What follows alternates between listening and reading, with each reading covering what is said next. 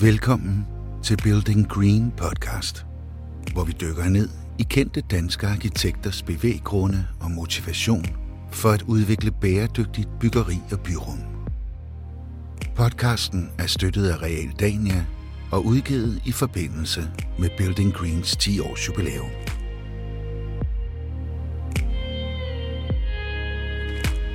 I dette afsnit gæster arkitekt Dan Stubergaard studiet til en snak om fremtiden inden for byggeri. Altså jeg bliver bare nødt til at sige, det er, når den første streg på papiret bliver slået, eller defineringen af, hvad er det, vi gerne vil bygge, hvor vil vi gerne bygge, hvor stort skal det være, hvad vil vi bygge det i, hvor mange penge skal vi bruge på at bygge. Det er jo der, kimen bliver lagt til at lave et godt, bæredygtigt projekt. Jeg tror, og det er jo også det der med, at vi er jo også en branche, der er gode til at tale til os selv og, og, og med hinanden. Men det, jeg tror jo egentlig, der hvor vi kan gøre en forskel, det er at komme meget bredere ud og forklare, hvad betydningen af god arkitektur er. Vi skal jo virkelig være gode til at forklare mennesker, som ikke har en indsigt i arkitektur og de processer og byggeprocesser, og forklare, hvad det egentlig betyder og hvad det er for nogle valg, vi tager lige nu. Både i forhold til at skabe øh, livskvalitet, et godt hverdagsliv omkring de bygninger, vi laver, og at når vi får lov til at bruge de ressourcer for vores planet, at vi gør det på en ansvarlig måde.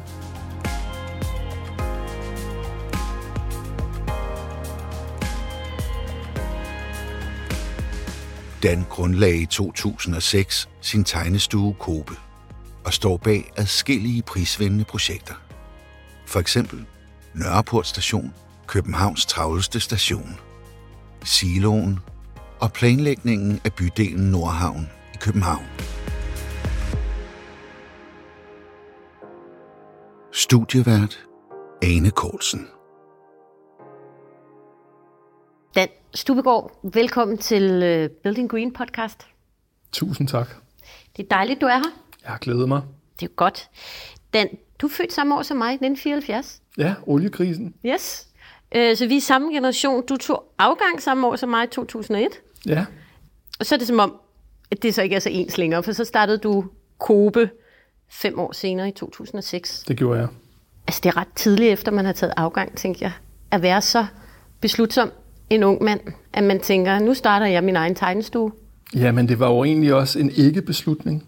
Hvordan det? Fordi at, altså da, da jeg blev færdig som arkitekt, så kom jeg jo ind til Bjarke, Bjarke Engels mm. og Juliens tegnestue Plot, som jo om noget var et øh, fantastisk sted, men også lidt en teenageklub. Mm. Kaos. Kaos med alt det bedste, der kommer ud af det. Øh, og nogle fantastiske øh, personer og kollegaer og et sammenhold, som virkelig, virkelig var en, tror jeg, var virkelig noget, der har præget min karriere på ganske kort tid. Men det, der så også skete, øh, det var egentlig, at jeg arbejdede, arbejdede, arbejdede, arbejdede, arbejdede, arbejdede øh, de år. Og på et tidspunkt, så, øh, så blev jeg simpelthen træt øh, og spurgte Bjarke, om jeg kunne tage øh, to måneders overlov. Øh, og så gik der 14 dages tid eller sådan noget, og så, så, så kunne jeg ikke tænke, at ah, der var, der, var, der var sådan en arkitektkonkurrence ude på det Danmarks Tekniske Universitet, og så lavede jeg den. Altså under din overlov, hvor du skal Ja, slappe af? Ja.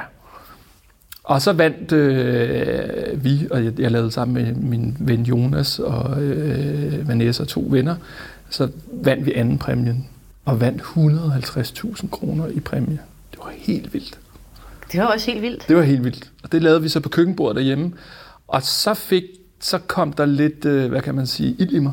Og, og så, øh, så fik jeg lidt en lyst til at prøve tingene af selv. Men det var ikke sådan noget med en stor beslutning, at nu, øh, nu øh, siger jeg farvel til, til Bjarke og Julien og Plot, og starter med dig. Det var sådan noget, der kom lige så stille. Snigende. Ja. Altså dengang, øh, at vi gik på skolen, og da man tog afgang, og i årene efter, der synes jeg ikke overhovedet, at vi blev undervist i, eller der var nogen, der talte om klimaet, bæredygtighed i byggeriet, sådan rigtigt. Som i overhovedet ikke. Slet ikke. Det var der altså ikke. Og det mærkelige er jo, at hvis man begynder at undersøge lidt, så har man jo vidst i mange, mange år før vi overhovedet startede på arkitektskolen, helt tilbage fra Brundtland-rapporten i 70'erne, har man vidst, at vi var på vej mod den, det moras, vi står i nu. Så det har man vidst i masser af år, op til at vi startede i midt-90'erne på arkitektskolen. Og, men det havde ingen effekt, og vi blev ikke undervist i det. Øh, og, vi, og der er generationer og generationer af arkitekter, der er kommet ud, der har taget afgang, som ikke har haft det her fokus.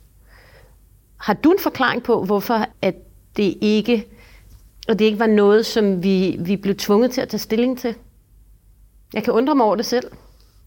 Altså, ja, det er jo mega interessant, det du siger, altså, siger der, fordi altså, jeg, jeg synes jo, der i, da vi blev arkitekter der i starten af nullerne, øh, der var der jo en, en mærkelig stemning i dansk arkitektur, fordi at øh, det var ligesom det hele var gået dvale, og det var i mine øjne, det jeg oplevede, og det jeg egentlig også havde svært ved på arkitektskolen, det var, at øh, det var ligesom, at man talte som arkitekt til sig selv, eller hvis det gik højt, så talte man til andre arkitekter. Ja, lukket klub. Det var en meget, meget lukket klub, og der var ingen sådan øh, føling med, hvad er det for et samfund, vi er i? Hvad er det for nogle relationer, vi vil skabe med de bygninger og den formgivning, vi, vi, vi giver? Og, og for mig personligt skete der et kæmpe skifte, i, øh, da jeg på tredje år på arkitektskolen øh, kom i praktik i Holland. Altså jeg havde jo ligesom to år derude, stykke gipsmodeller og tegnede en tegning i to måneder, hvor det handlede om kanten, eller hvordan man tegnede et hængsel. Der var meget med hængsler, eller, det kan jeg ja, huske. med hængsler. Og det er nu ikke, hvis folk forstår, det er ikke sådan en hængsel på en dør. Det er en, en tegning, som definerer en overgang i en form. Eller, der var sådan nogle buzzwords. Ja, og jeg øh, kæmpede lidt med det, fordi jeg var, ikke, jeg var, jeg er måske ikke det mest øh, sådan, akademisk funderede menneske. Øh, jeg synes, det fede var, når man ligesom, det var praktisk, og man byggede modeller og sådan. Men så tog jeg, jeg til Holland og kom ned til Rotterdam til en tegnestudie, der hed MVRDV, hvor de snakkede om øh, landskabsarkitektur og om billige boliger og øh, mærkelige materialer, de byggede med, og jeg var sådan... Og samfundet omkring bygningerne. Og I den grad, eller i hvert fald en, en forholdelse til, eller en stillingtagen til, hvad gør vi som arkitekt med den her problemstilling? Og det var virkelig en vigtig, vigtig periode for mig, eller min karriere. Det var at komme ned og se et andet perspektiv på arkitekturen, end det jeg nødvendigvis oplevede på, på akademiet, øh, da vi gik der. Og hvornår synes du selv, altså efter I startede Kobe, hvornår begyndte det at sådan komme snigende den her sådan grønne bevidsthed omkring, at arkitekter skal være en kæmpe del af løsningen, øh, når det kommer til klimaudfordringerne? Altså, jeg har, jeg, jeg har jo lige nu øh, i dag her på Building Green beskrevet det, øh, vi og jeg kalder på tegnestuen for dag 0, som øh, var øh, i 2018, efter jeg havde været på folkemøde, hvor jeg sidder og har et, et kaffemøde med en bygherre omkring et projekt, vi har drøftet. Mm. Og meget sådan kontant får jeg at vide, at altså, vi synes jo, I er super dygtige arkitekter, men altså, vi har brug for, øh, vi har simpelthen brug for en arkitekt, der har en meget stærkere, stærkere bæredygtighedsprofil til det her projekt, så vi kommer ikke til at, at etablere samarbejde. Og jeg kan huske, at jeg tog hjem efter et fantastisk folkemøde, jeg havde siddet flyveren, øh, øh, øh, og, og, og, og, og sad der i flyveren hjem og sad bare sådan, okay, hvad betyder det her? vi har simpelthen ikke greb om det her. Og så tog jeg hjem på tegnestuen, og inden for en uge, så, jeg, så, så lavede vi det, vi kaldte for dag 0, hvor alle tog fri for alle deres arbejdsopgaver, så tog en hel dag alle sammen, 140 mm. mennesker, og snakkede om, hvad vil vi? Hvordan omstiller vi os? Og vi skal komme til at gøre tingene på en helt anden måde, end vi har gjort hidtil. Og det var en fantastisk dag. Og noget, at jeg kan mærke, øh, egentlig bund og grund lige siden, at vi er på vej et nyt sted hen. Øh, så så jeg, jeg vil jo gerne sige til dig, ja, jeg har jo altid øh, tænkt klimaet som en vigtig del, men det, hvis jeg skal være helt ærlig over for dig, så er det egentlig de sidste par år, hvor at, at det virkelig er noget, vi øh, øh, har taget ind og arbejder, altså sådan den væsentligste bestanddel i alt det, vi gør. Og det, det er super spændende, det er også mega hårdt, og, og, og sådan lidt, hvor er vi på vej hen og sådan nogle ting. Ja, for man er jo stadig ude og famle i mørket ja, det, ja. på mange uh, parametre. Ikke? Ja. Altså, jeg lavede et øh, kulturprogram for noget tid siden, hvor at, øh, at man ligesom skulle anbefale de andre at øh, opleve noget kultur. Og så havde jeg anbefalet dem at se Arkitekt- og Designskolens digitale afgangsudstilling, som er baseret på, øh, på verdensmålene. Og så sagde jeg ligesom, da jeg skulle forklare dem, hvorfor jeg synes, de skulle se den her udstilling, at de arkitekter, der kommer ud nu fra skolen, de skal være med til at løse samfundets allerstørste problemer, øh, som verdensmålene ligesom øh, pointerer. Og det er, det er ikke kun øh, grønne bygninger, men det er også øh, ligestilling og sult og alle de her øh, problemer, som FN har vurderet af dem, der, der skal løses. Ikke? Og de kunne simpelthen ikke tage det alvorligt. Altså, der var ikke, de troede næsten, jeg lavede sjov. Altså, der var ikke nogen af de mennesker, jeg talte med der, som betragtede arkitekter som nogen, der ville kunne løse samfundets problemer. Det var meget forstemmende og interessant på den måde, at jeg tror måske også, at vi har bildet os selv ind. Jeg har i hvert fald, at måske ikke, måske ikke lige mig, men der, er, der må der komme generationer nu af arkitekter, og det er der, der gjort i et stykke tid, som er med til at løse store klimamæssige problemer blandt andet. Men de er åbenbart usynlige i debatten, eller de er usynlige i samfundet, fordi jeg tror, at almindelige mennesker tænker ikke, at I er en del af den her løsning. Hvordan kan det være, tror du? Er, er I gode nok? Er du god nok til at blande dig i debatten? Øh, nej, egentlig ikke. At det er jo mega interessant, det du siger der, fordi jeg tror, og det er jo også det der med, at vi er jo også en branche, der er gode til at tale til os selv mm. og, og, og med hinanden. Øh, men det, jeg tror jo egentlig, der hvor vi kan gøre en forskel, det er at komme meget bredere ud og forklare, hvad betydningen af god arkitektur er. Langtidsholdbar arkitektur, eller adfærdsændrende arkitektur. Og omvendt også måske være meget bedre, og det er der, jeg tror, vi har et problem i vores branche, at turde diskutere, når det ikke fungerer. Når det er dårlig arkitektur. Når vi har brugt en hulens masse penge og ressourcer og beton på at bygge noget op, som i bund og grund ikke skaber nogen værdi overhovedet, og som skal stå de næste 100 år, og der er ingen, der er glad for det. Det er jo et totalt ressourcespil. Og der, nogle gange, når jeg er ude og tale og sådan noget, øh, så, så er jeg begyndt at sige, jeg tror, det første spørgsmål, vi skal øve os selv på, det er, giver det overhovedet mening, at vi skal bygge noget her? Og hvis vi skal, så skal vi virkelig, virkelig sikre, at, at det i hvert fald bibringer noget bedre, end det, der er i forvejen. Og er det et spørgsmål, du så stiller en bygherre, for eksempel, der kommer til dig og siger, øh, Dan, vi vil gerne, øh, vi vil gerne øh, bygge, bebygge papirøen. Siger du så, giver det mening? Helt ærligt. Giver det mening at bygge her?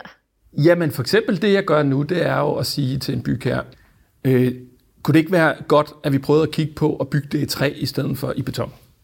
Og for to år siden, så sad alle bygherrer og sagde, det kan du godt glemme alt om. Aldrig nogensinde. Vi løber ikke den risiko. Det er sikkert også alt for dyrt, og vi kan ikke finde nogen entreprenører, der kan bygge det. Og vi kan heller ikke finde nogen forbilleder. Nej.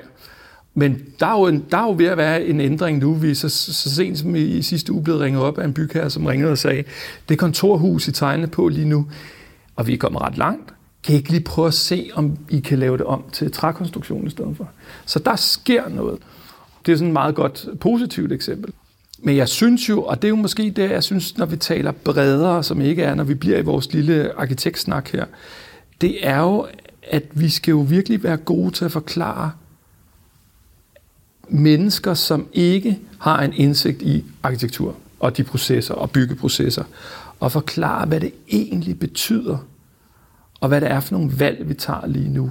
Både i forhold til at skabe øh, livskvalitet, et godt hverdagsliv omkring de bygninger, vi laver, og at når vi får lov til at bruge de ressourcer for vores planet, at vi gør det på en ansvarlig måde. Altså, hvis jeg skal skære det lidt ud, og det er jo lidt at, og det, det, det, der kommer jo det dilemma i vores branche som arkitekter, er vi jo godt nok bange for at save den gren over, vi selv sidder på. Ikke? Jo. Altså, det er vi jo virkelig. Så det der med at sige, nej, fandme nej, det du kommer med det bygge her, det bliver ikke mig, der kommer til at eksekvere det, fordi det belaster miljøet, Og den vision, der er for det her sted, den bibringer ikke noget kvalitet. Vi gør det faktisk bare værre. Det er der vel næsten Jeg ingen, der tror siger. ikke, der er ret mange arkitekter i Danmark. Der er nok nogen, der siger nej tak. Så jeg tror, der er, og det er jo sådan, som Building Green er jo et vigtigt forum til det, er en proces internt i vores fag omkring, hvad er vores etik, hvad er vores moral, hvad er vores ambition, hvad er vores, øh, kan man sige, ansvar øh, som arkitekter de næste 10 år. Fordi ellers kommer vi, altså, vi kommer jo ingen vejen, hvis vi skal nå 70% reduktion og omstille hele byggebranchen på 10 år.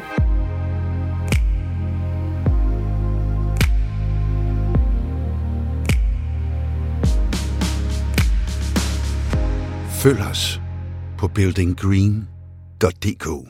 Er der nok øh, solidaritet i branchen i forhold til at vil øh, stå på mål for det her?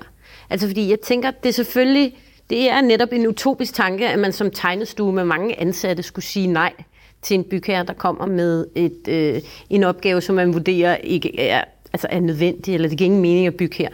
Men hvis man nu havde en, altså en fælles dagsorden, de store tegnestuer, så man ikke stod alene, vil det give mening?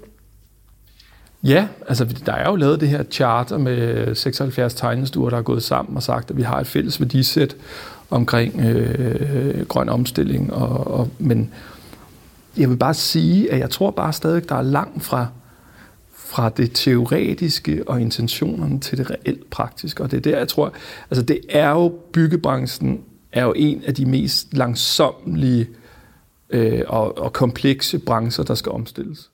Altså, Og det er samtidig jo også en af de største klimasynder. Ikke? 40 procent. 40 procent. Det er alligevel, øh, det er alligevel noget. Ja. Og jeg kan da godt mærke, øh, jeg kan da godt mærke, at jeg begynder lidt at sådan kigge indad og sige sådan, okay, nu har vi valgt at lave det her projekt her, hvor at der bliver bygget præfabrikerede betonelementer i Polen, som skal køre på 1200 lastbilslæs fra Polen op til øh, Danmark for at sætte det sammen. Altså, det virker helt skørt noget af det. Omvendt så har vi jo lige øh, bygget et projekt i Tyskland, som er bygget i træ, som alt er lavet øh, med robotter øh, på en fabrik, og så er det kommet og samlet mega hurtigt. Fantastisk arkitektur. Øh, det er bygget øh, altså meget, meget hurtigere, end du kan bygge et, et konventionelt byggeri. Så det kan jo godt lade sig gøre. Jeg tror bare, og der må jeg så sige, at jeg oplever, øh, fordi vi laver øh, på Kobe laver vi jo over halvdelen af vores projekter i udlandet, at der er altså et, et større sug i kaminen, og der er en større omstilling i, i udlandet, end der er, øh, sådan, sådan som jeg oplever det i Danmark. Det er meget interessant, fordi jeg har også talt med, med, med flere arkitekter, som siger, at det er udlandet, der står slemt til. Vi er langt fremme i Danmark. Arkitekterne har en større viden og en større bevidsthed, men det står langt værre til, når man kommer ud i verden. Der har de slet ikke bæredygtighed på dagsordenen på samme måde. Men det er ikke din oplevelse. Ikke med de øh, kontaktflader, øh, jeg har. Vi har lige øh, afleveret et projekt i, i Milano med en fantastisk bygherre, der bare vil træbyggeri. Det skal være et hus, der skal være så fleksibelt, at det skal være kontor, men det skal også kunne laves om til ungdomsboliger, hotel og boliger.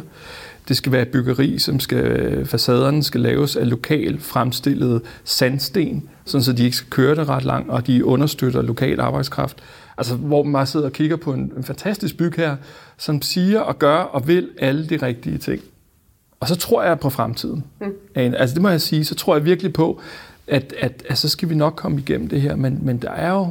Jeg er bare bekymret for tiden nu. Om vi når Og når, det. altså, når du siger, vi er født i 74, oliekrisen, hvorfor kiggede man ikke allerede dengang kritisk på det her? Det var der nogle mennesker, der gjorde. Men der er jo ikke... Altså, hvordan kan vi nå det her? Ja. Det tror du? Øh, nej, jeg har også den tvivl. Altså, eller man kan sige, der er jo mange, der sådan helt dystopisk siger, jamen det er for sent. At vi kan ikke vende den udvikling, der er gået i gang. Man kan måske sænke accelerationen, og man kan prøve at tilpasse sig til de klimaforandringer, der kommer. Men vi kan ikke vende det. Det er for sent. Det skulle vi have gjort for mange år siden.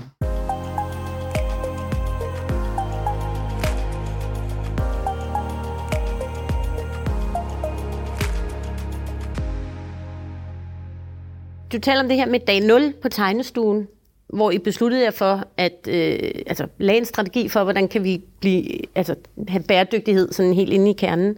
Hvad, hvad, hvad har, hvordan er det så udmyndtet sig? Fordi jeg tænker, der må også være en, et stort behov for ny viden, som man slet ikke har, medmindre man har opsøgt den. Ja.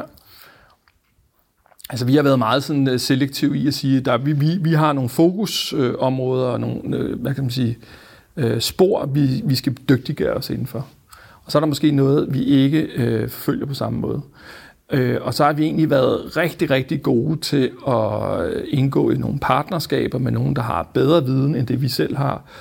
Øh, og så øh, har vi fundet nogle ekstremt effektive værktøjer, altså der, øh, digitale værktøjer, øh, der giver os et, en helt anden evidens i de beslutninger, vi tager sammen med bygherrer eller entreprenører i de tidlige faser. Altså jeg bliver bare nødt til at sige, det er, når den første streg på papiret bliver slået, eller definering af, hvad er det, vi gerne vil bygge, hvor vil vi gerne bygge, hvor stort skal det være, øh, hvad vil vi bygge det i, hvor mange penge skal vi bruge på at bygge. Det er jo der, kimen bliver lagt til at lave et godt bæredygtigt projekt, eller at man laver noget, der ikke fungerer, og der er noget møg. Og, og der er øh, sådan nogle parametriske designværktøjer, hvor vi hele tiden har sådan nogle roser, hvor vi kan se, hvis vi vælger at gøre det, så, så slår det rigtig godt ud på det sociale. Og, øh, men, men hvis vi så vælger at bygge det hele i beton, som er produceret i Polen, så gør det ondt. Altså hele det der, det er jo mega komplekst det her. At danne et overblik, og så sidde sammen med den gode bygherre, og så sige, hvad gør vi her? Hvad er det for nogle beslutninger, vi tager? Er det muligt at arbejde med sådan et redskab, og det hele taget bygge altså ægte grønt, hvor at det er i hele vejen rundt, at man forsøger at, at tænke bæredygtighed. Er det muligt at gøre det, når man er i øh, en total entreprise? Måske skal du lige forklare, hvad en total entreprise er. Jeg vil godt høre, hvad det, hvordan... Forklar du det, Dan? Ja. Det er dig, der er en udførende arkitekt.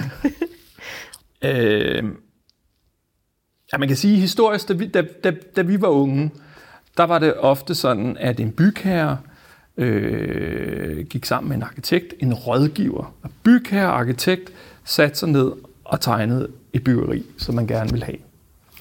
Og arkitekten var bygherrens rådgiver. Ja. Jeg skal rådgive dig til at bygge et godt byggeri. Øh, og så når man så havde ligesom besluttet sig for, hvad man gerne ville have, øh, så gik man ud og spurgte nogle forskellige entreprenører, hvad koster det her? Vil I gerne bygge det? Og så fik man fem priser hjem, og så tog man ofte det billigste, eller dem, man havde lyst til at samarbejde med. En total entrepris er det omvendte. Der spørger øh, bygherren en entreprenør og siger, jeg har et hus her, jeg gerne vil have bygget. Øh, der er måske en løs skitse, eller øh, find en arkitekt, godt kan lide, eller vi har en arkitekt, du godt må samarbejde med, og så skal I sætte jer sammen og tegne et hus til mig. Og det er jo en helt anden model, fordi øh, så, så er det således, at arkitekten øh, sidder sammen med, eller som man plejer at sige i vores branche, så ligger vi under entreprenøren. Og, og entreprenøren har et andet fokus. Entreprenørens primære fokus har indtil i dag været afkast og bygge øh, mest økonomisk fordelagtigt. Der sker så også noget i de her år, vil jeg sige, hos nogle entreprenørfirmaer, som er positivt. Men det, der er forskellen på de her to modeller, er jo, at, og det kan man så sige, arkitektens indflydelse er ikke den samme, som den var før. Øh, og der er et andet samarbejde omkring de gode beslutninger fordi at der er også...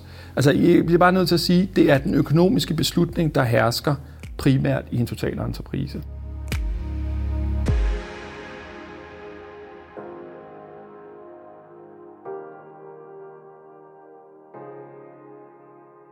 Kan man så opretholde den her øh, tankegang omkring at ville være, altså gå all in på den her bæredygtighed, hvis man er i en total entreprise, hvor det er afkastet, der bestemmer? Det kan... tror jeg ikke. Nej. Hvad gør I så?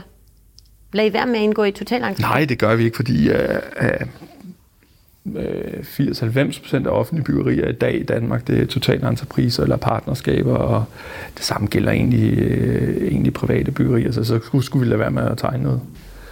Jeg, jeg tror stadig, altså vi, vi har nogle entreprenører, som vi faktisk kan se gerne vil det her, og som godt kan se, at der faktisk også er en god forretning i det, hvis de bliver dygtige til at også kunne etablere processer og har teknologierne til at kunne bygge mere grønt. Det er der ingen tvivl om.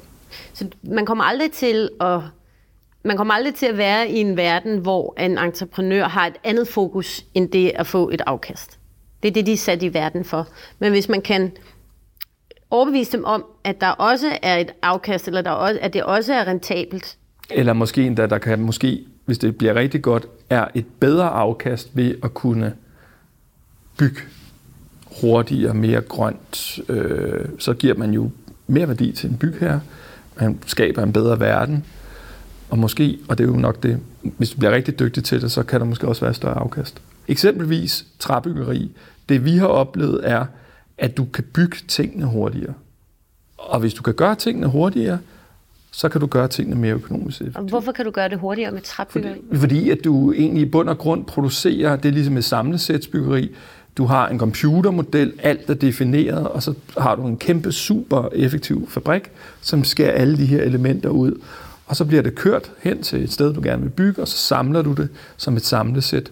Og det går altså hurtigere, end hvis der står en, øh, et polsk håndværkersjagt, der skal støbe en betonkerne og stable mursten op på et betonelement.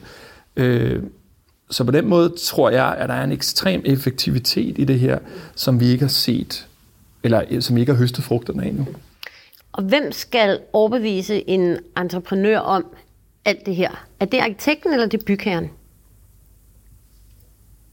Jamen, det er jo under grund bygherren, der skal stille nogle andre krav, end man har gjort hidtil. Det begynder der jo også at komme nu. Pensionskasser øh, og også offentlige bygherrer, der begynder at sige, vi udbyder det her, det skal bygges i træ.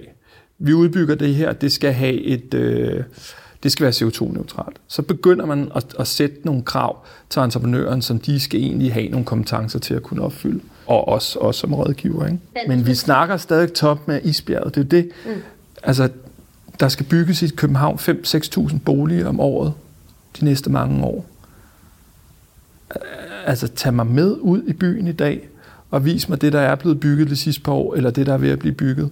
Og så peg på nogle boligprojekter, som i den grad peger ind i en fremtid, hvor vi bygger meget mere grønt og meget mere CO2-neutralt. Den ja. tur vil jeg gerne have, som er med på. Den bliver kort. Det er desværre. det er måske et par øh, af de nye byggerier. Ja. ja. Så der skal, der skal jo ske et eller andet. Mm. Altså, og jeg kan ikke... Øh, jeg, ved, jeg, jeg ved ikke lige, hvordan. Kan du lide det, du hører? Giv os en anmeldelse i din podcast-app.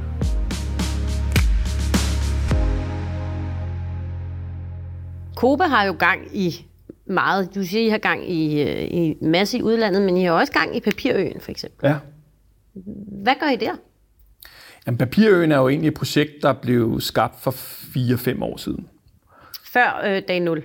Ja, både for, øh, internt på Kobe dag 0, men, men, øh, og det er en total entreprise øh, for øvrigt, og, og, og en stram økonomi.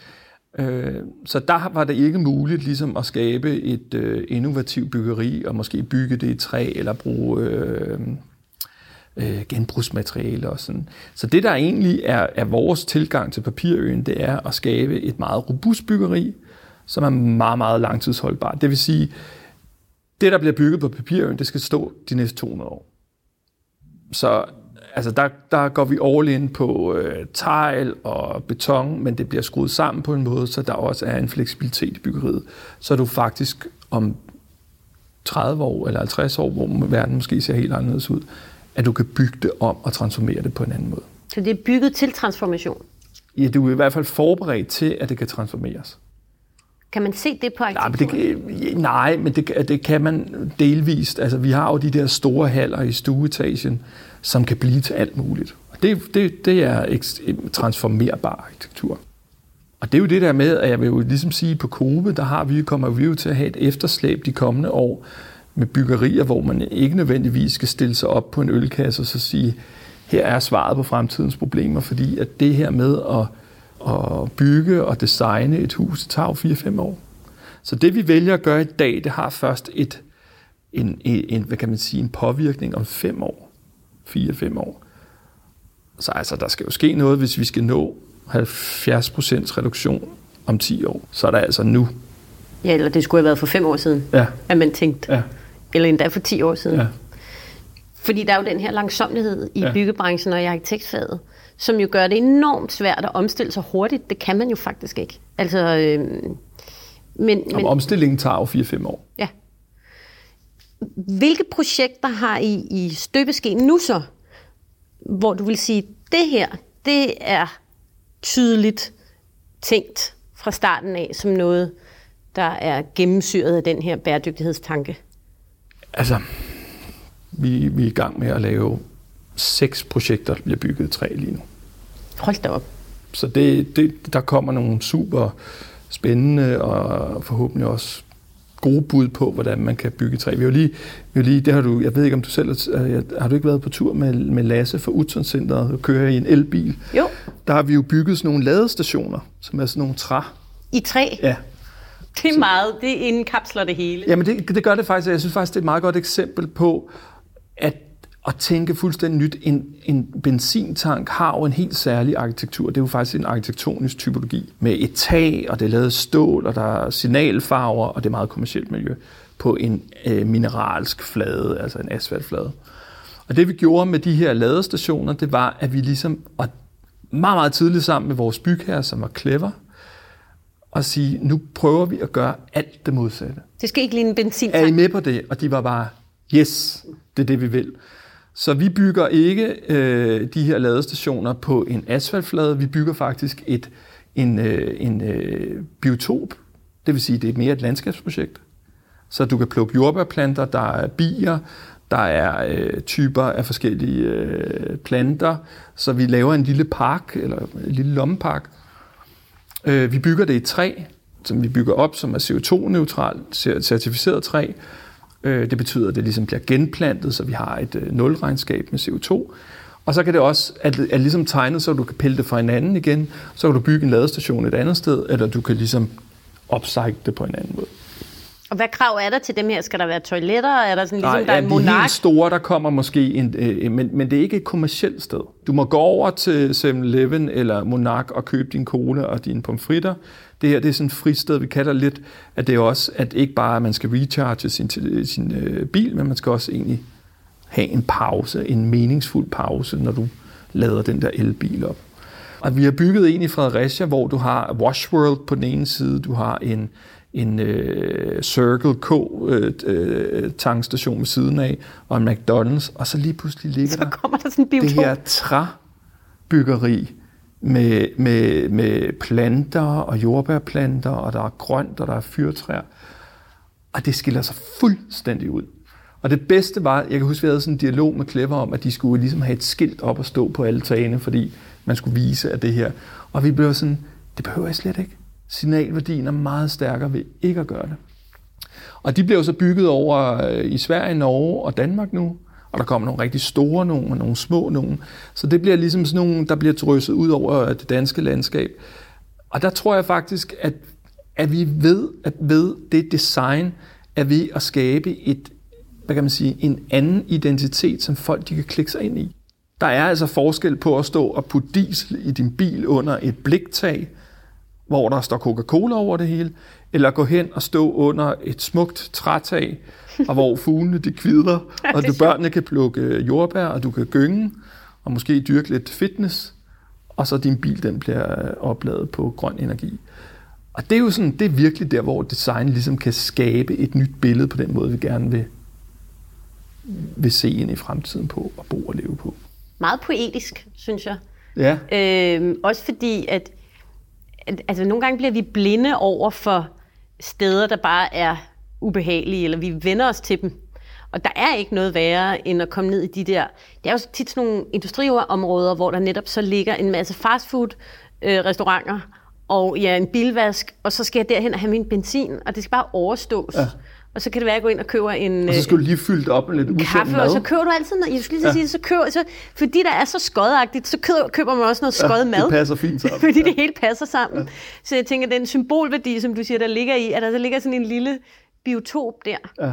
Men, og samtidig så bliver jeg så også lidt kynisk den, fordi jeg tænker, hvor lang tid går der fra, at der ligger øh, fulde kvider og jordbærplanter, til det bare også pludselig, altså skal det ikke vedligeholdes? Hvad, hvad, bliver det ikke, folk opfører sig jo generelt som svin, altså når det kommer Jo, til... men vi, vi har jo lavet sådan to øh, prøvestationer, kan man sige, indtil videre.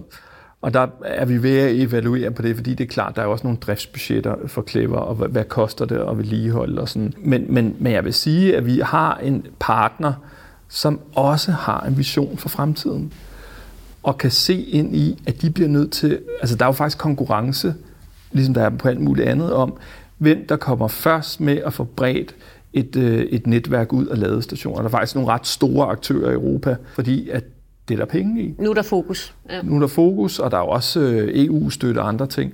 Og der er, er, er, er, synes jeg simpelthen, at det har været så fantastisk at samarbejde med Clever, som virkelig har været visionære og modige. Altså man kan jo sige, byg det i træ, hvad med driften, og holder det, og kan det brænde, og der er vi jo som gode rådgiver helt som skulle påvise, vi har styr på det. Det kan det godt, det kan holde i mange år, det kan ikke brænde, det er herværdssikret og sådan nogle ting. Nu har vi jo talt meget om det her med øh, CO2-nedsættelse og passivhuse, eller hvad man skal sige, altså huse, der har et godt CO2-regnskab som en del af bæredygtigheden. Men der er også social bæredygtighed. Som jeg nævnte, så har alle de studerende, de skal tage stilling til alle FN's øh, verdensmål, og de skal inddrage dem i deres øh, afgangsprojekter. Og FN's verdensmål handler jo også om mange andre ting. Det handler jo også om øh, ligestilling, sult og øh, alle mulige andre øh, parametre. Hvor meget har I taget det med ind efter jeres øh, beslutning om at, at, at omstille jer? Altså det her med blandt andet det sociale. Øh, ensomhed for eksempel er virkelig, virkelig stigende i Danmark i helt enorm grad. Er jo en, er jo Kæmpe nærmest- udfordring. Kæmpe udfordring. Tænker I også på det? Ja, og det vil jeg så sige, det er måske det, der har været i vores fokus, øh, siden jeg startede Cope. Altså det har faktisk været at skabe øh, arkitektur, som har et, øh, hvad kan man sige, empati, eller som omfavner noget, eller som skaber et mødested, eller som skaber en social sammenhæng. Altså, øh, måske et af de projekter, jeg er mest stolt af, det er øh, Tingbjerg Kulturhus og Bibliotek, som, som jeg tror, du også har været ude at se. Jeg har været med til at premiere Ja, og tak for det. for så lidt. Altså det, det er virkelig der, hvor jeg kan se, øh, når jeg tager derud, og at det er et, en bygning i en bydel, som i den grad gør en forskel. Og som skaber en social øh, kraft og energi, som ikke var der før. Og det er egentlig bare en død bygning. Men fordi jeg tror, at vi har tegnet den, som vi har gjort, er det virkelig blevet et sted, hvor at øh, de beboerne, der bor der, skolens elever, men også folk, der kommer, der ikke bor i Tingbjerg, har lyst til at komme ud og sætte sig og være en del af et fællesskab. Og der tror jeg simpelthen på arkitekturen. En, altså hvis du, hvis du laver den rigtige og skruer den rigtigt sammen, og den er empatisk, den har en atmosfære, altså at du ved godt, hvornår der er en god stemning i en bygning, og hvornår der er en dårlig stemning i en Ja. bygning, så kan det virkelig skabe en forskel. Ligeså vel, hvis det er noget møg, der er en dårlig stemning, og du ikke føler dig velkommen, så kan den det ikke. Den Og kan det skabe jeg- det gode liv og det dårlige liv. Det tror jeg faktisk. Og det er jo noget, vi har prøvet at arbejde med i mange år på vores tegnestue. Det der med at byrum eksempelvis også. Virkelig prøve at finde ind til kernen i, hvordan får vi folk til at tage del, men også føle, at man er velkommen, og man ligesom øh, både tager et ansvar for et sted, øh, og man er øh, en del af noget større, og man kan skabe nogle sociale fællesskaber. Så det synes jeg, det bliver jeg nødt til at sige, det synes jeg faktisk, vi er sådan ret gode til at have styr på øh, og er meget fokus på det. Det er jo ikke fordi, når jeg siger dag 0 og øh, den grønne omstilling, så glemmer vi alt det, vi har gjort øh, før. Øh, vi skal ligesom bare bygge på, kan man sige. Ikke? Der er det jo sådan i Tingbjerg, hvis du sidder ensom i din lejlighed, så har de lige pludselig fået et sted, hvor du kan rykke over og tage din laptop med, eller drikke en kop kaffe, læse en bog og tage til fælles middag, fælles køkken, arrangementer i salen. Og det er jo det, der, øh, det er det, der i mine øjne er social arkitektur. Følg bæredygtigt byggeri året rundt på buildinggreen.dk. Jeg synes, der, der er mange gode eksempler lige netop på de her forsamlingshuse, biblioteker, øh, der opstår og som skaber fællesskaber. Men du pegede, eller du nævnte lige selv før, at det her med lige at gå en tur i København bare eller andre byer, så synes jeg, det virker som om, at den tanke om det sådan, den, altså, den sociale kraft, som der kan ligge i arkitektur, ikke rigtig er syret ind i øh, lejlighedsbyggeriet mm. særlig meget. Nej. Øh, altså, der, der bliver stadig bygget enormt traditionelt, altså ja. til en kernefamilie. Ja, tre værelser. Tre værelser derudaf, og et samtalekøkken og en altan skal alle også have nu, Og hvide væg og, og gips ja. og et øh, fyrparketgulv. Ja. Og en god altan. Ja, så Altanen kan, er vigtig. Ja, altanen er så vigtig. Ja. Så kan ejendomsmælderen sælge det, ikke? Ja. Hvordan kan det være, at det er markedskræfterne, der har gjort, at den her øh, altså, enorme sociale kraft, som arkitekturen kan have, og som netop kan bekæmpe mm. ensomhed og alt muligt andet. Hvorfor er det ikke syret over i, i lejlighedsbyggeriet? Altså, jeg tror, der er to ting, der gør det. Det ene er, at øh, jeg tror faktisk, vi mennesker er ekstremt konservative, når det kommer til, at man måske skal lave sin livs største investering. Så er det egentlig meget godt at købe det, som alle de andre har, fordi så har man ikke øh, løbet en risiko. Så der tror jeg, der faktisk ligger noget i, i, i, i den del af det. Og så, så tror jeg egentlig også, det handler om et, øh, et bulrende øh, boligmarked, hvor der måske ikke har været det pres på at gøre noget andet i markedet. Det er egentlig måske lidt, altså, at man kan ligesom læne sig tilbage, og vi kan bare gøre det samme, som vi plejer, fordi det skal nok sælge, og vi skal nok tjene en masse penge på det. Så det er sådan lidt dovent? Ja, det vil, det vil jeg faktisk sige. Og så vil jeg så sige, det jeg oplever nu, hvor vi har et, øh, et for eksempel et øh, samarbejde med Ikano og IKEA, som ligesom er en kæmpe aktør. De er jo lige så, altså, de har jo lige så stor økonomi, som et godt gedin europæisk land har. Og de er jo gået ind og sagt, vi vil gerne designe det gode liv til almindelige mennesker. Ligesom man gerne vil bygge billige, øh, gode møbler til alle mennesker. Og der øh, i, i det samarbejde, der arbejder vi med nogle boligkoncepter, hvor at man gør alt for at lave den mindst mulige kompakte øh, bolig, hvor at du egentlig øh, prøver at skabe en livskvalitet på færrest mulige øh, kvadratmeter. Altså sådan noget med at kunne lave et sommerværelse om lynhurtigt til den dagligste uge og omvendt. Øh. Men det der så er det, øh, det komponent, jeg synes, der er super interessant, så lægger man energien ud i fællesskabet, og det vil sige, at der kommer nogle andre fællesskabsfunktioner i sådan en boligbyggeri. Så du skal forestille dig, at du bor meget kompakt, men så har du et mega fedt fællesrum, øh, hvor du har du kan dyrke grøntsager, og du kan have fællesmiddag, og du kan holde børnefødselsdag. Du har måske et, et rigtig godt øh, fitnesscenter lige ved siden af din lejlighed, så du kan gå hen og, og være sund. Og der, der vil jeg sige, at det er jo, jeg tror faktisk, det er sådan nogle store aktører, der skal skubbe vores forståelse af, hvad en, øh, en bolig er et nyt sted her. Og hvor langt er det projekt? Det er, at de går i gang med at bygge nogle prototyper i Sverige i mindre skala øh, på øh, 3, 5, 8.000 kvadratmeter, hvor man bygger, bygger de her. Så det er på vej til at blive realiseret? Ja, ja. Fordi igen, så synes jeg også, det er nogle tanker, man har hørt om i i mange år. Altså, øh, vandkunsten har jo tænkt talt om det i 70'erne. Ja, gudskelov, at vandkunsten stadig findes. ja, altså, Så vil bolig, boliginnovationen i Danmark være helt død. Gået helt kold. Men altså lidt ligesom med Jan Gehl, så har der jo været nogle tanker, som har givet god mening, som jo aldrig, men som, øh, der er langt fra de tanker til, at det rent faktisk bliver realiseret. Ja. Øh, der er jo også hele den her tiny house bevægelse på vej, eller som er i gang, som jeg fornemmer ikke at stammer fra arkitekterne, men fra almindelige mennesker, mm. der har lyst til at prøve at se, om de kan bo på 15 kvadratmeter, mm. og så til gengæld have et fællesskab med en masse ja. andre. Og også der, der tænker jeg, at arkitekterne har været lidt på bagkant. Det er jeg helt enig i. Altså, øh, hvis du så, altså nu, nu nævner du selv vandkunsten, hvordan de skubbede til til, til boligudviklingen i Danmark øh, igennem de sidste mange årtier. Øh, altså, der, der sker ikke meget på den konto. Nej.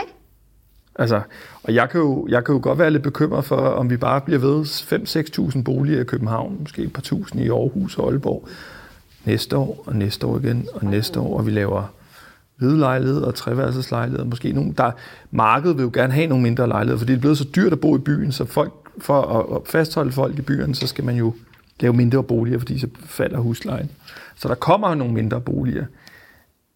Men det er jo ikke der, hvor man falder på halen og tænker, wow, derover der bor de fuldstændig anderledes. Det sker der over at se, hvordan pokker kan man bo på den måde, som er et stort alternativ til den måde, vi nu har valgt at bo på. Altså, altså du... den gåtur, den vil være sjov at tage, fordi jeg tror virkelig, vi skulle lede lang tid.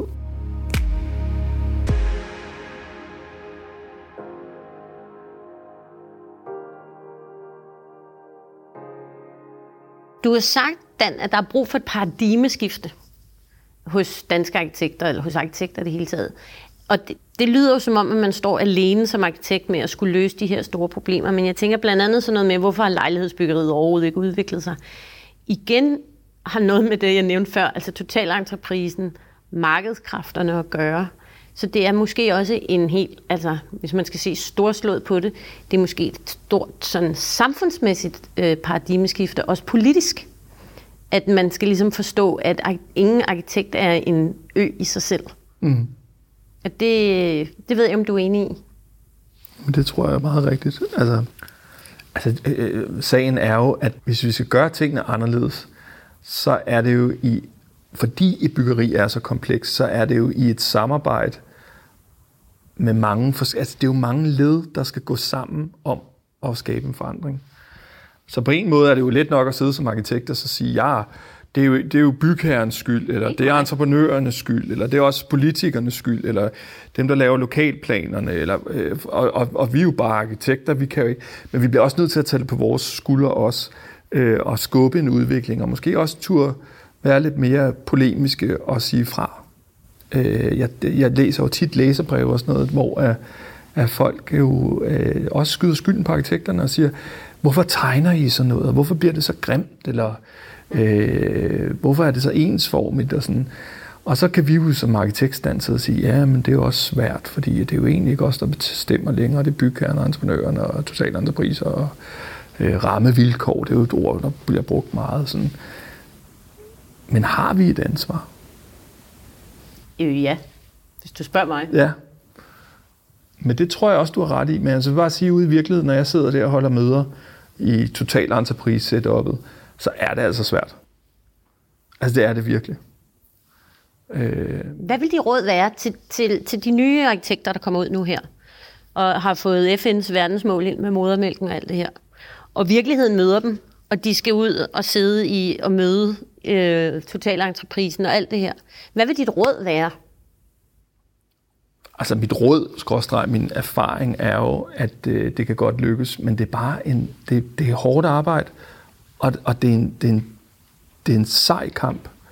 Men det handler også om, og det vil jeg måske være mit råd, at hvis du skal øh, lykkes med at skabe god arkitektur, og også måske arkitektur, der forandrer, så, så er det rigtig vigtigt, at du er dygtig til at lytte og skabe Øh, altså det er virkelig min erfaring som arkitekt. Nu er jeg jo, det er jo vildt, man er ved at være en gammel arkitekt, jo, ikke? Ej, vi er stadig unge. Nej, men Hold du op. ved ikke, jeg, jeg, jeg kan huske det der med, man, når man på en CV, det der med, at man har fem års erfaring og 10 års erfaring. Nu begynder man at have 20 års erfaring, og virkelig, virkelig ved at være gammel arkitekt. Og det jeg, det, jeg vil sige, det er bare, at det er min erfaring, det er, at hvis man skal lykkes med at gøre noget andet, eller skabe rigtig god arkitektur, så skal du virkelig være dygtig til at balancere det der med at lytte og skabe et tillidsfuldt rum mellem bygherre, entreprenør, øh, arkitekt, ingeniør. Og så skal du hele tiden presse. Du skal hele tiden skubbe. Og det er bare et hårdt arbejde. En, en stedig lytter. En tillidsfuld, stedig lytter. Så tror jeg, at man kan komme langt. Godt. Jamen altså, øh, det var da virkelig et råd, der var til at, at tage og føle på. Øh, jeg håber, at der er nogle af de yngre arkitekter, som ikke er så erfarne som os to, Dan, som øh, har, har taget det til sig. Øh, tusind tak, fordi du kom. Jeg, vidste, jeg vidste godt på forhånd, at vi ikke ville løse hele klimaudfordringen på den her podcast, men vi er kommet et lille bit stykke. Jeg kunne godt tænke mig lige, inden vi slutter, så fordi jeg, jeg, jeg synes, den, et ansvar, du også har taget på dine skuldre, som jeg synes er, er væsentligt, det er jo det er jo det der, vi var inde på i starten, det der med, hvordan kommunikerer vi betydningen af arkitektur. Og det har du været rigtig god til at tage på dine skuldre. Øhm, og der synes jeg måske, at, at, at det interessante er at finde ind til, hvordan er vi som fag bliver væsentligt bedre til at kommunikere det, vi gør, og den forskel, vi kan skabe bredt Ja. og ikke snævert. Ja. Øh, og jeg tror faktisk, der ligger en, en masse kraft i det, hvis det kan lykkes. Og der må jeg bare sige, at nogle gange oplever jeg stadig, at vi jo som arkitekter kan stille os op øh, og snakke sort. Eller ikke at snakke. Jeg føler mig lidt alene nogle gange. altså, jeg synes ikke, at... Jamen er det ikke rigtigt? Jo, men du snakker jo ikke sort. Der er jo adskillige af jer, der er enormt gode til at formidle, men som er meget stille i debatten. Ja. Jeg synes ikke, at... Altså, jeg har råbt rigtig højt mange gange og skrevet rasende indlæg i arkitekten, altså i arkitekternes eget fagblad, og jeg har skrevet klummer i Berlinske, og jeg prøver, men der kommer sjældent modsvar, eller der er ikke... Altså, jeg er alene på den post, synes jeg, og det undrer mig, fordi jeg tror, at det... Og jeg tænker Men nogle det, gange, at det er jo grunden- fordi, du ikke driver en virksomhed Ja, med ikke noget- 140 ansatte. Fordi jeg, jeg har da oplevet, og jeg kan ikke komme med eksemplerne, hvor jeg har stukket næsen frem, hvor det har en konsekvens. Det er det. Og det er det, jeg skulle til at sige. Jeg har jo ikke noget på spil. Jeg står udefra og kigger ind. Øh, og det, jeg har fået at vide flere gange, når jeg har spurgt, er, jamen, vi er store øh, virksomheder, som er afhængige af at, øh, at skulle kunne betale vores medarbejdere løn. Og hvis vi stikker næsen frem, så kan det være, at vi virker kvævlantiske eller besværlige at samarbejde med. Små ting, der gør, at så får vi ikke den opgave næste gang. Og det, det argument er jeg da fuldstændig øh, lydhør overfor. Det er også derfor, man spørger sig selv om, kunne man slutte sig sammen på en måde, mm. så det ikke har så store konsekvenser at stille sig frem ene tegnestue. Men jeg tror faktisk, det er et ret stort problem, Det er det. at, at, øh, at der ikke kan være den nødvendige åbne dialog, øh, skråstreg kritik, øh, som der måske bør være. Både af hinanden inden for faget, men også udadtil. Øh, og, og jeg tror faktisk, det er et ret vigtigt værktøj for at lave den her omstilling. Det er, at vi kan kritisere tydeligere hinanden, men måske endnu vigtigere øh, der, hvor magten ligger, eller hvor de store beslutninger bliver taget. Fordi det tror jeg, der er rigtig mange arkitekter, der ikke tør, vil eller kan gå ind og pille ved. Men det gjorde vi jo tidligere, Sten Arle Rasmussen. er jo sindssygt. Fuldstændig fantastisk at læse hans bøger og debatindlæg, og de rasede jo De mod svinede hinanden og til. svinede hinanden til, og altså virkelig, virkelig havde nogle holdninger. Og det var nogen, man lyttede til, og det var nogen, man... Øh, altså, øh, altså, og nu er det jo ligesom nogle arkitekturkritikere på nogle store dagblade, som ligesom har taget, kan man sige, øh, dagsordenen, og det er bare ikke godt nok. Nej, Men jeg, jeg, jeg ved, at det koster at stikke næsen frem. det er et paradoks. Det løser vi ikke her, men vi har Nej, i hvert fald givet... men så er det øh, godt, du er her. Ja, så må jeg kæmpe lidt videre lidt endnu. Så må jeg håbe, jeg aldrig nogensinde får ansættelse på en. Dan Stubegaard, tak fordi du var med i øh, Building Green. Tak fordi jeg måtte komme. Det var øh, hyggeligt og vigtigt. Lige måde.